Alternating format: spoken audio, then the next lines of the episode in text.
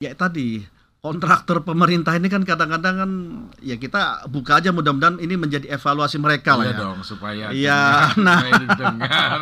Iya, jadi kalau kami kerja jangan Jangan bikin susah. Nah, gitu itu ya.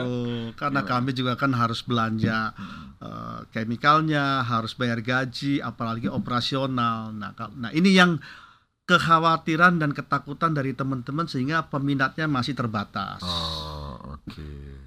Kami-kami yang sudah siap ini karena memang demi mensukseskan IKN sehingga resiko itu ya kami harus hadapi. Walaupun kami tetap eh, mencoba untuk ada eh, fasilitas perbankan atau mungkin nanti ada model-model pembayaran yang yang sehingga cash flow kami juga tetap Tetap Sehat, aman ya, tetap aman.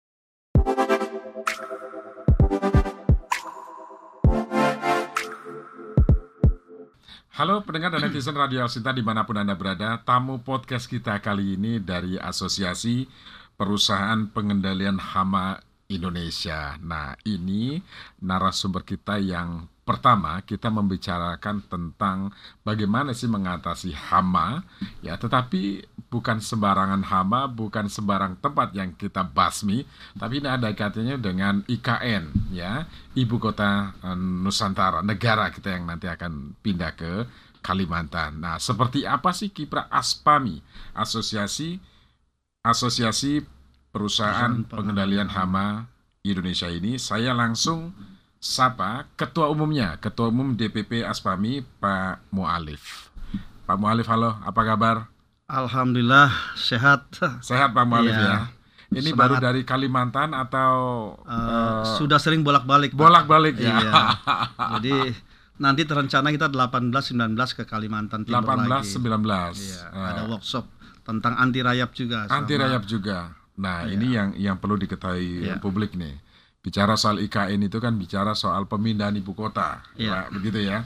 Pemindahan ibu kota. Enggak pernah terfikir nih soal bagaimana sih menjaga bangunan-bangunan kan yang ada di benak publik adalah bangunan harus dipercepat di sana, infrastruktur harus dipercepat, kemudian rumah-rumah dan lain sebagainya begitu, perkantoran, ya istana dan lain sebagainya. Tapi aspek penting lain adalah bagaimana menjaga kualitas bangunan dari serangan rayap. Nah, bisa diceritakan nih Pak Mualif. Iya. Baik, terima kasih Pak Wiryo. Assalamualaikum warahmatullahi wabarakatuh. Waalaikumsalam warahmatullahi Eh, untuk para pendengar dan pecinta El Sinta nih ya, mudah-mudahan El Sinta semakin sukses nih ke Amin. depan. Jadi kalau IKN-nya pindah, El Sinta juga harus pindah juga ini. Atau ada yang di sana ya? ah ya, mantap Pak. Ya, jadi bicara IKN, ini Ibu Kota Nusantara, memang ini kan amanah undang-undang Pak ya. Jadi karena amanat undang-undang sehingga kita sebagai warga negara, apalagi kami adalah eh, gabungan dari para perusahaan pelayan hama Indonesia Iya. yang kebetulan Aspami ini eh, sekarang usia yang 50 tahun nih Pak nih. 50 jadi, tahun? Iya, jadi kita Oh, lahir tahun oke. 1973. 73. Nah, Oh, karena sudah ya. apa eh, ulang tahun perak ya. Perak. Nah, nanti kita menuju ulang tahun emas 45 nih. iya, iya. Iya, makanya kita harus ikut sukseskan Pak IKN ini.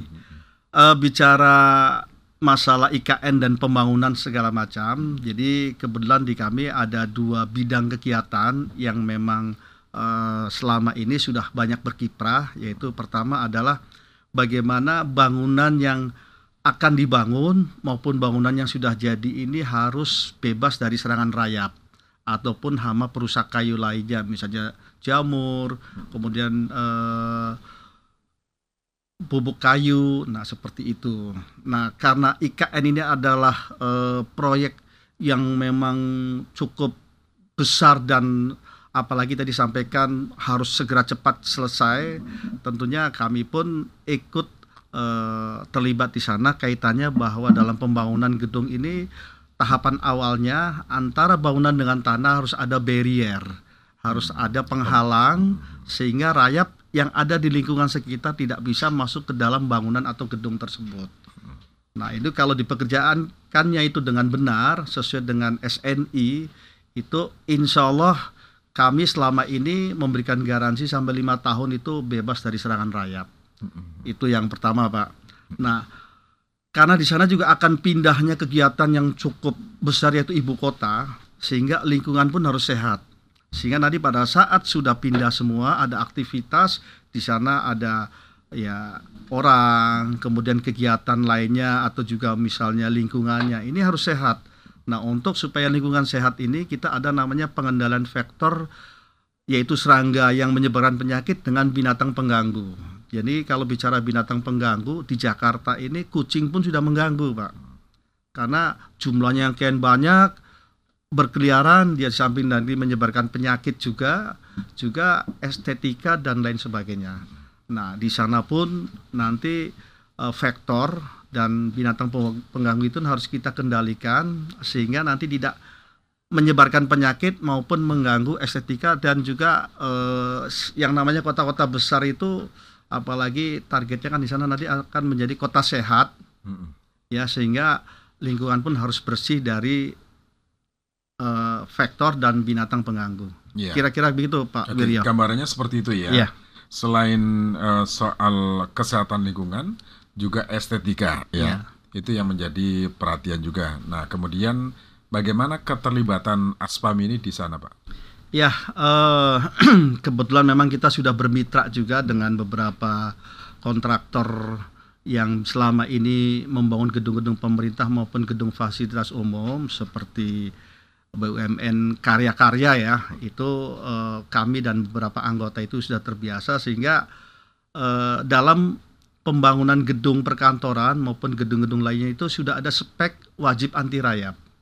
Jadi sudah dispekkan apalagi ini karena sudah ada undang-undangnya yaitu undang-undang uh, nomor 3 tahun 2000 apa uh, nomor 36 tahun 2000 nomor 28 tahun 2003 itu undang-undangnya bahwa bangunan itu harus bebas dari hama perusak kayu.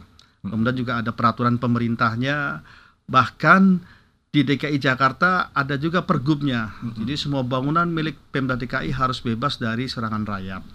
Nah, karena regulasi sudah mendukung sehingga dan juga memang di spek eh, pembangunan gedung itu juga sudah ada anggaran sekitar kurang lebih satu persen dari total bangunan sehingga kami pun eh, akhirnya terlibat di sana. Nah kami dari asosiasi agar pekerjaan anti rayap terhadap para apa gedung-gedung ini juga sesuai standar karena ada SNI-nya yaitu SNI 032404 tahun 2015 hmm. untuk bangunan prakonstruksi sebelum berdiri hmm. itu semua spek-speknya dari mulai persiapan pelaksanaan sampai pasca pekerjaan itu sudah tertera hmm. sehingga kita harus memastikan bahwa pekerjaan ini nggak boleh keluar dari standar yang sudah ada di SNI.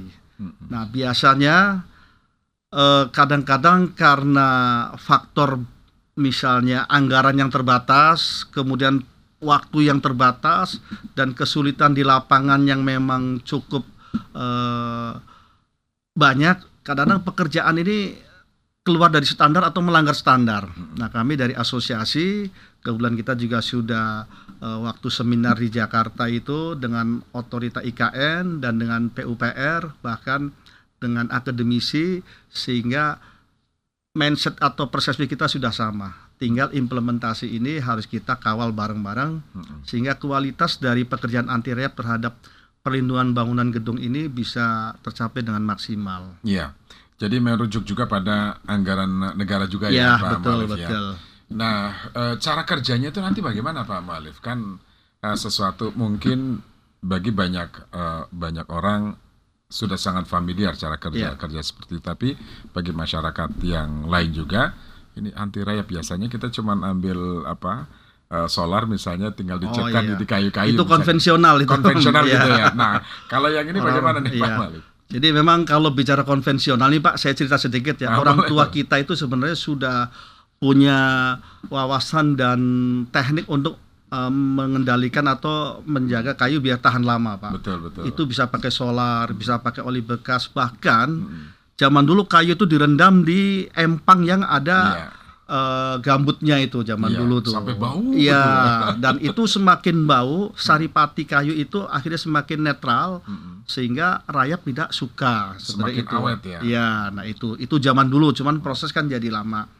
Nah, kalau sekarang karena keterbatasan waktu dan juga kita punya andil untuk melestarikan hutan sehingga kayu ini harus awet. Harus awet supaya jangan sekali apa Ada jangan sering ganti kayu. Nah, gitu ya. iya. Jadi pertama adalah pada saat kita membuat galian pondasi atau di sana misalnya kita pasang tiang pancang segala macam, itu antara galian eh, pondasi dengan bangunan harus dispray secara merata, Pak. Itu dosisnya kurang lebih satu meter persegi itu eh, 5 liter larutan. Tergantung nanti kondisi tanahnya. Kalau tanahnya misalnya eh, seperti tanah yang pecah-pecah seperti itu biasanya dia akan boros. Tapi kalau eh, tanah lempung atau mungkin tanah pasir dia dengan 5, 5 liter larutan itu sudah sudah cukup merata Itu fungsinya untuk apa nantinya, Pak? supaya bikin barrier pak jadi ada penghalang jadi antara bangunan dengan tanah sekitar di lingkungan itu karena ada penghalang sehingga rayap nggak bisa naik ke bangunan. Karena rayap ini eh, bisa hidup di mana pun berkembang biangnya cepat bahkan satu hari bertelur bisa sampai 15 sampai 25 ribu butir pak telur rayap sehari itu pak jadi bayangkan kalau satu tahun berapa jumlahnya itu Iya, iya, iya, iya. jadi jangan melihat rayap itu karena kecil, makhluknya lemah, kena sinar matahari dia akhirnya mati, Ya. tapi karena jumlah banyak dan dia punya perlindungan dari serangan predator dan sinar matahari sehingga rayap ini ternyata berbahaya juga buat bangunan. Ya, kalau di IKN ini kan luas ya Pak ya. Ya, Yang betul. dibangun bukan hanya istana, kemudian perkantoran-perkantoran, rumah-rumah menteri dan pejabat-pejabat lain Ya. juga masyarakat yang eh, tinggal di sana. Apakah memang ada perintah khusus dari otorita IKN di sana untuk apa spesifikasi mana saya yang dilakukan eh, Ya. kebersihan atau apa? Jadi karena memang regulasinya sudah lengkap, ini kan eh, otomatis Pak setiap membangun gedung, apalagi gedung fasilitas umum ya, baik buat pemerintah maupun eh, hotel dan mall maupun pabrik ya, itu memang spek anti rayap pasti ada Pak. Hmm. Jadi kalau jadi bukan perintah lagi ini sudah sudah jadi given ya. Oh, oke. Jadi sudah mandatori bahwa spek anti rayap ada. Nah, di sana itu karena spek anti rayap ada dan masuk di dalam satu RAB bangunan secara eh, menyeluruh sehingga kita otomatis eh, perintah itu Sudah dianggarkan sudah ya dianggarkan. setiap itu. Tinggal Oke. proses lah biasanya kan proses kita namanya subkon oleh si min kontraktor kan biasanya ada lelang atau beauty contest misalnya kita dipanggil presentasi mana yang terbaik. Nah, yang kita dari asosiasi ini kita ingin menjaga kalau ingin terbaik kualitas sesuai standar biasanya harga juga harus wajar. Mm-mm. Tapi kalau wajah harga terlalu low, terlalu rendah, biasanya tanda petik Hmm. ada sesuatu yang dilanggar. Nah, ini yang kita akan jaga bersama-sama antara kami asosiasi Aspami dengan otorita IKN dan para pengawas di sana. Prakteknya gimana Pak di sana Pak? Adalah maksudnya Prakteknya dalam arti misalnya begini, ini kan standarnya sudah jelas ya. ya betul. Standar jelas. Kalau yang yang bagus itu kan harganya juga yang bagus. Betul. Nah, ada nggak misalnya ya sudahlah, yang biasa aja tapi Ya. eh kan dalam ya. proyek biasa sering terjadi begitu ya, Betul, Pak. betul. Nggak usah ragu-ragu Pak. Ya, Pak. Ya, jadi eh, kadang-kadang gini Pak, karena tadi budget yang begitu ditekan oleh kontraktor, sehingga kami para subkon ini kadang-kadang menghadapi dilematis dengan harga yang misalnya eh, kalau dilaksanakan sesuai standar, ini berarti rugi. Nah, ini kadang-kadang terjadi di lapangan. Makanya karena ini adalah proyek yang prestige dan juga apalagi ini istilahnya kota berkesinambungan, standar nas- internasional sehingga kami dengan otorita ini punya kewajiban untuk bagaimana memastikan. Ya mudah-mudahan dengan adanya eh, kerjasama dan kolab- kolaborasi yang harmonis, tentunya eh, teman-teman kami, anggota kami melaksanakan di sana itu yang namanya SNI benar-benar harus menjadi acuan. Ya kalau memang ada temuan tentunya ini harus dilaporkan ke kami dan bila perlu sekarang kan sudah eranya pakai media sosial Pak ya. Artinya masyarakat pun punya hak juga untuk ya mengawasi Pak. Lebih ngeri urusan Iya. dengan media sosial ya. Ah, iya. Betul Oke, betul. karena di situ orang bebas bicara apa saja. Artinya masyarakat sekarang mengawasi dari mana saja itu yang membuat prinsip kehati-hatian itu tadi ya, Betul. Pak Mualif ya. Tapi dalam praktek ada banyak kendala nggak Pak di sana Pak selama ini Pak? Ya, Ini jadi sudah mulai running kan Pak? Yang Sudah, sudah Pak. Ini eh, kan groundbreaking yang kedua sudah selesai. Kalau tidak salah tanggal 15 besok itu kan groundbreaking yang ketiga ya. Jadi setiap satu groundbreaking kan kurang lagi pekerjaan itu 20 sampai 30 gedung ya. Nah, memang makanya kenapa kami juga akhirnya eh, ada percepatan untuk workshop ini tujuannya untuk mensosialisasikan kembali bahwa ini loh pekerjaan anti rayap itu jangan dianggap sepele, jangan hanya sekedar pelengkap formalitas tapi ini punya manfaat yang sangat penting. Hmm. Karena kalau dikerjakan dengan tidak sesuai standar yang dikhawatirkan begitu usia bangunan 5 atau 10 tahun tiba-tiba mebeler dimakan rayap Hmm. dokumen-dokumen yang memang bahan aslinya dari kayu karena mengandung selulose ya itu nanti akan diserang rayap termasuk karpet, gypsum. Nah, ini yang jangan sampai menyesal di belakang hari. Hmm. Jadi perhatian ini kami tidak bosan-bosannya untuk mensosialisasikan bahkan nanti salah satu narasumber juga kita undang eh, Profesor Dodi Nandika kebetulan beliau profesornya juga tentang rayap Hmm. dan sudah sangat senior untuk memberikan eh, sosialisasi dan edukasi kepada para kontraktor termasuk stakeholdernya. Iya. Kalau dari Aspami ada berapa banyak Pak yang menggarap ini di IKA? Ya, sementara ini yang sudah tercatat di kami kurang lebih ada sekitar 5 sampai 7 perusahaan lah itu. 5 sampai 7 Ya, perusahaan. makanya kami akan lihat mapping dengan pekerjaan yang begitu besar, jumlah gedung yang begitu banyak, kita akan mapping kira-kira kita harus ada yang namanya eh, saling mensupport lah sehingga pekerjaan itu bisa tercover dengan Jadi baik. ada pembagian tugas, Ya, pembagian nantinya wilayah begitu ya. betul, betul. Semuanya Pak eh, dilibatkan. Semua gedung ya, Pak. Nah, maksudnya Artinya oh anggota. ah, Jadi anggota. kita memang memberikan kesempatan kepada teman-teman yang memang berminat karena pekerjaan di sana kan medannya berat, Pak. Mm-mm. Bahkan air pun kita di sana harus beli juga, Pak. Hmm, berarti kosnya nambah dong Pak? Ya, itu salah satu yang menjadi pertimbangan dan juga di sana kan belum ada istilahnya mes atau penginapan yang ini. Nah, untuk kami ini terpaksa kita cari cari tempat-tempat yang sehingga terjangkau. Artinya operasional masih sangat besar.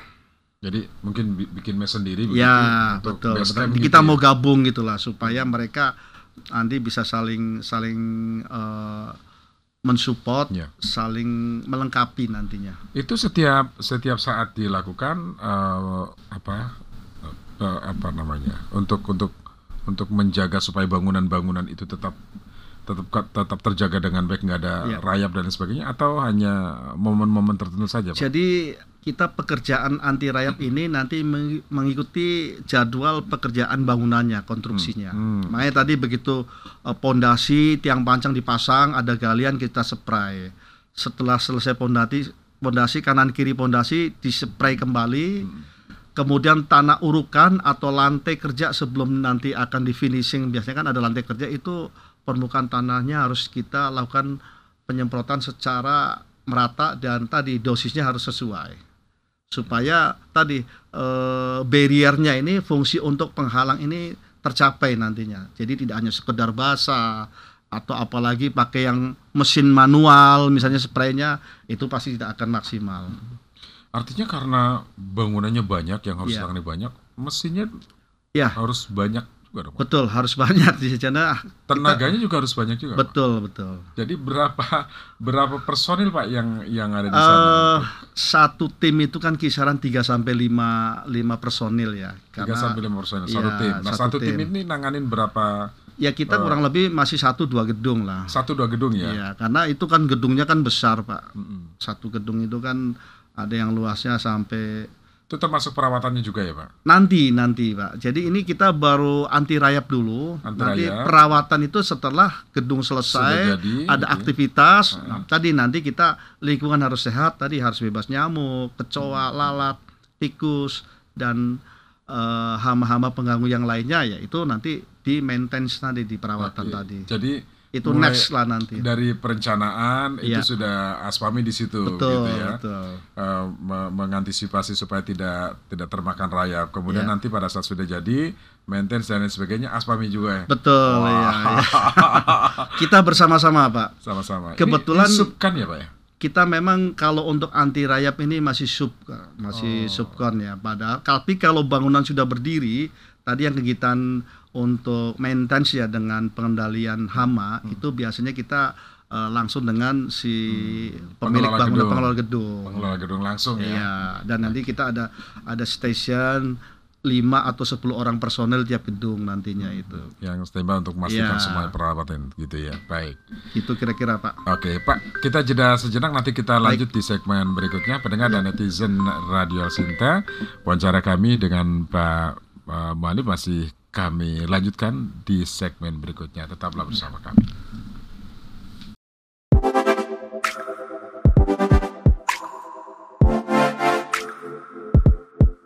Pendengar dan netizen Radio Sinta, terima kasih Anda masih bersama kami segmen eh, kedua. Terakhir masih dengan Pak Mualif kita membahas tentang bagaimana sih menjaga merawat eh, bangunan-bangunan supaya awet, tahan bukan hanya tahan apa ya, rayap ya, tetapi juga estetikanya ya. Betul. Itu juga tetap eh, indah untuk dilihat. Nah, kami lanjutkan nih Pak Mualif. Jadi eh, selanjutnya ketika proses ini sudah berjalan eh, di awal pembangunan, eh, bangunan sudah jadi. Nah, itu sampai berapa lama sih Pak ketahanan dari dari eh, bangunan itu ketika di di apa Ya. dirawat dijaga betul ya dari anti rayap. Betul. Ya, jadi eh, dari kami itu memberikan garansi lima tahun, Pak. Lima tahun. Lima tahun. Jadi maksudnya lima tahun selanjutnya itu kontrak Ya, lagi gitu ya, maksudnya. harapannya begitu. Tapi biasanya itu kalau pekerjaannya kita sesuai standar ya, biasanya 10 tahun itu masih kuat, 10 masih tahun masih bertahan. kuat ya. Karena rayap ini kan rayap ini kan eh, beradaptasi dengan lingkungan sangat cepat, Pak. Jadi rayap itu penyebarannya Bapak lihat laron. Ya. Laron itu adalah salah satu komponen rayap yang dia akan berkembang biak. Laron itu ya. Laron. Jadi laron begitu ketemu sama pasangannya, kemudian dia mendapatkan tempat yang akan dia bisa berkembang biak, dia akan membuat koloni. Dan satu koloni kalau sudah permanen bisa sampai 2 juta setengah sampai 3 juta rayap Pak jumlahnya itu satu koloni. Bayangkan kalau laron kan bisa beberapa koloni. Nah, makanya kita harus ada eh, nanti maintenance itu biasanya 5 atau 10 tahun yang akan datang harus diulang. Nah, itu biasanya nanti dengan pekerjaan pasca konstruksi. Itu nanti sistem injeksi. Nah, sistem injeksi atau mungkin nanti kalau memang serangan rayap sudah agak eh, tinggi bisa dengan baiting, nanti dengan umpan atau juga dengan ada memasang instalasi pipa pralon pada saat sekarang ini sehingga nanti tinggal isi ulang eh, instalasi pralon yang ada di sekitar pondasi, kita tinggal injeksi baru bisa untuk membuat barrier yang baru. Ya. Karena eh kimianya eh, pestisidanya itu atau kalau di rayap namanya termitisida Mhm. itu dia sekarang ini Pak nggak bisa seperti yang zaman dulu bisa tahan sampai 40 tahun 50 tahun sekarang karena dengan adanya pengawasan dari eh, lingkungan hidup kemudian harus ramah lingkungan dan juga tidak boleh terlalu keras sehingga disesuaikan makanya eh, kita SNI itu dibatasi lima tahun Hmm. itu Pak Itu barang-barangnya itu impor atau apa Pak? Eh, sekarang sudah TKDN semua Pak, hampir Oh, dalam sudah dalam ya? negeri. Oh, mungkin ada beberapa komponen yang impor, biasanya Iya. bahan aktif atau mungkin solvennya pelarutnya supaya dia bisa tadi bertahan lama. Tapi semua produksinya di dalam di negeri. dalam negeri. Karena ada dalam negeri. ketentuan TKDN tadi ya. Betul, betul. Jadi lebih aman disesuaikan dengan kebutuhan Ya, Di ya, Indonesia dan gitu kita ya. kan juga supaya memberdayakan potensi di negara kita juga ya. Iya, iya. Nah, ini kan jumlah eh, Aspami kan banyak Pak Banyak anggotanya. ya. Ada pembagian nggak misalnya? Ya, oke, yang dari Jawa Timur misalnya, silakan begitu, dibagi-bagi begitu. Ya, jadi kita kebetulan memang ada 26 DPD Pak ya di na- 26 provinsi. Eh, memang untuk yang di IKN khusus ini kita memang tawarkan Pak, siapa yang memang eh, berminat dan karena tingkat kesulitan yang begitu tinggi sehingga teman-teman ini yang tidak siap ya jangan dipaksakan. Jadi tahap awal ini nanti kita gelombang pertama ini sudah jalan. Eh, Nanti tinggal kalau memang peminat makin banyak kita coba eh, secara proporsional kita akan atur dengan teman-teman. Artinya sesuai dengan kapasitas dan juga kemampuan dari eh, perusahaan eh, anti rayapnya tersebut. Sekarang yang minat banyak nggak Pak? Memang karena sosialisasi kita juga belum belum begitu masif ya sehingga eh, masih belum belum banyak yang tertarik karena mereka Padahal Ini- cuannya gede di sana, Pak. Kalau untuk ini mohon izin nih Pak ini tanda petik kadang-kadang kalau kontraktor yang seperti ini nih kadang-kadang pembayaran lama. Nah, ini kan juga jadi akhirnya kan banyak yang berhitung berhitung. Kalau IKN kan di IKN kan jadi prioritas, Pak ya. Harusnya Ya. kan lancar semua. Masa pembayaran lama, Pak? Ya tadi kontraktor pemerintah ini kan kadang-kadang kan ya kita buka aja mudah-mudahan ini menjadi evaluasi mereka lah Iya ya. dong, supaya Iya, nah. supaya didengar. Iya, jadi kalau kami kerja jangan Jangan bikin susah. Nah, gitu itu. ya. Karena kami juga kan harus belanja eh, chemicalnya, harus bayar gaji, apalagi operasional. Nah, nah ini yang kekhawatiran dan ketakutan dari teman-teman sehingga peminatnya masih terbatas. Oh, oke. Kami-kami yang sudah siap ini karena memang demi mensukseskan IKN sehingga resiko itu ya kami harus hadapi. Walaupun kami tetap eh, mencoba untuk ada eh, fasilitas perbankan atau mungkin nanti ada model-model pembayaran yang yang sehingga cash flow kami juga tetap Tetap Sehat, aman, ya, tetap aman, betul. Nah, sudah berapa lama, Pak, di terlibat di IKN? eh, dari mulai awal Pak ya kurang lebih sekitar hampir 8 9 bulan lah kalau nggak 8, salah. 9 Karena kita ya. waktu November tahun lalu itu baru baru mulai kita juga eh, seminarnya di Jakarta Hmm. yang dihadiri oleh Wakil Gubernur Kalimantan Timur. Mulai-mulai itu sekitar Januari ya. Selama selama ini lancar nggak, Pak?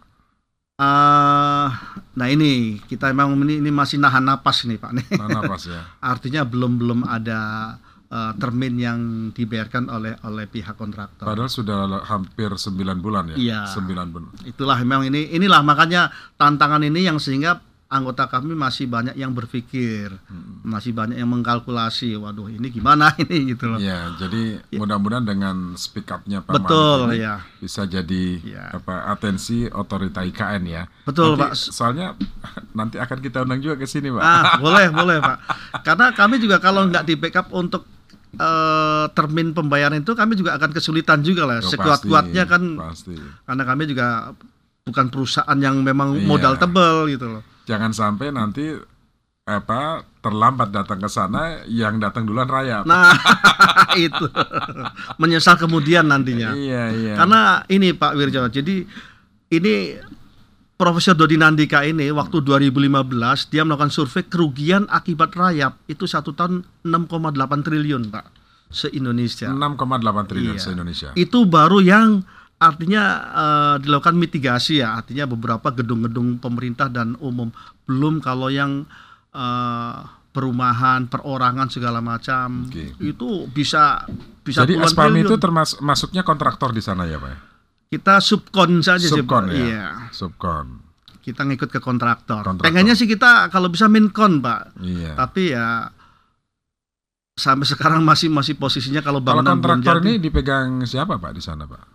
itu terutama kontraktor dari pemerintah, Pak. Pemerintah, Ada Adikarya, B- Abitra, BUMN PP ya. ya BUMN betul BUMN. betul. Tapi bayarannya tersendat. Nah, itu Pak persoalan tuh, Pak. Mitra ya. Mitra betul. Mitra. Jadi se- eh, sampai sekarang belum ada pembayaran satu pun belum ada. Eh, kami sudah sudah cari Sudah info ke teman-teman ya, Oke. belum belum ada pembayaran. Belum ada pembayaran. Iya. Ini yang membuat yang lain juga ogah datang ke Nah. IKN ya.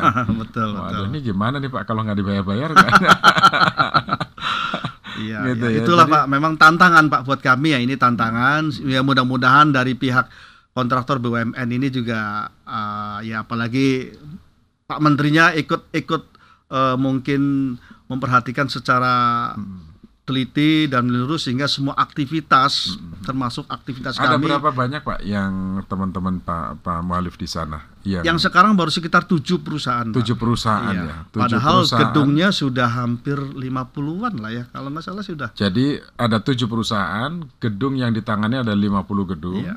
Sudah sekitar 8 sampai 9 bulan, ya. Iya. Tapi sampai sekarang pembayarannya belum adil, ada, ya. belum dilakukan. Iya. Jadi minta seluruh kontraktor BUMN tolong Nah. perhatikan yang Waduh, Seperti terima kasih banyak nih Pak- Pak Wiryo nih. Pak Mualif ikut ya. ikut Supaya peduli lancar sih. loh Pak. Ini Betul, kan Pak. IKN kan bukan hanya persoalan punya uh, Pak Mualif saja Siap, begitu yang iya. yang ada kerjaan di sana atau juga kontraktor yang ditugaskan misalnya. Iya. Ini kan marwah ya. Betul, ini persoalan betul. kita semua. Jadi semuanya harus lancar. Kayak Pak Mualif ini juga harus diperhatikan kan gitu Ah, Pak siap, Mualif. Pak. Terakhir nih Pak Mualif, apa harapan Pak Mualif nih? Ya, eh, pertama terkait dengan IKN, karena ini adalah eh, suatu cita-cita besar, apalagi ini juga memindahkan ibu kota dengan segala aktivitasnya. Ini kan harus menjadi satu kesatuan, baik persepsi, kemudian juga mensukseskan, apalagi kita menjaganya ini kami berharap eh, semua stakeholder ya itu bisa ayo kita saling bahu membahu dan di dalamnya karena ada jasa kami yaitu bidang usaha di bidang anti rayap tentunya pekerjaan ini pun jangan dipandang sebelah mata ini adalah pekerjaan juga cukup vital Hmm. karena akibat lalai atau akibat tidak mengerjakan secara benar dampaknya sangat besar kerugian tadi bisa triliunan dan tidak hanya kerugian bangunan Pak rayap ini bisa menghubungkan konslet listrik Hmm. kalau terjadi kebakaran bagaimana? Nah, ini juga harus menjadi perhatian. Nah, kemudian yang ketiga, karena pekerjaan ini juga memang memerlukan eh, tem waktu yang panjang sehingga ya tadi tadi Pak Wiryo ikut mengingatkan juga kami terima kasih banyak supaya pembayaran pun sesuai termin sehingga kami juga mengerjakan bisa lancar, bisa tidak mengganggu aktivitas dan yang tidak kalah penting para pekerja yang di sana itu eh, keselamatannya harus kita prioritaskan, pekerjaannya kita juga harus maksimal sesuai SNI dan yang tidak kalah penting kesehatan mereka juga Pak. Ya. Makannya, tempat tidur dan lain sebagainya itu menjadi prioritas buat kami. Oke, baik. Pak Mualif, mudah-mudahan setelah ini ada progres yang bagus ya Siap. dari para ya. kontraktor sehingga bisa dibayarkan langsung. Amin. Karyawan amin. di sana juga bisa gajian, Iya. ya, keluarganya yang ditinggalin yang di Jawa ini ya Betul. juga bisa uh, tenang gitu ya Iya. Pak Mualif ya. Siap. Baik Pak Mualif, terima kasih sudah menjadi tamu di eh, podcast El Sinta. Iya. Sehat dan sukses selalu Pak Mualif ya. Sama-sama Pak Mualif. Pak Wiryo sama-sama. Terima kasih Pak Wiryo. Sukses untuk El Sinta. Amin, terima kasih. Dan pendengar netizen Radio El Sinta, baru saja kita mengulas mengenai kebutuhan eh, asosiasi pembasmi rayap ya karena ini untuk menjaga kualitas bangunan di IKN. Tadi sudah cerita panjang lebar dengan Pak Mualif, Ketua Umum DPP Aspami Asosiasi Perusahaan Pengendalian Hama Indonesia. Nantikan pada kesempatan yang lain tamu kita di podcast El Sinta dengan narasumber yang berbeda. Saya Swirio, sampai jumpa.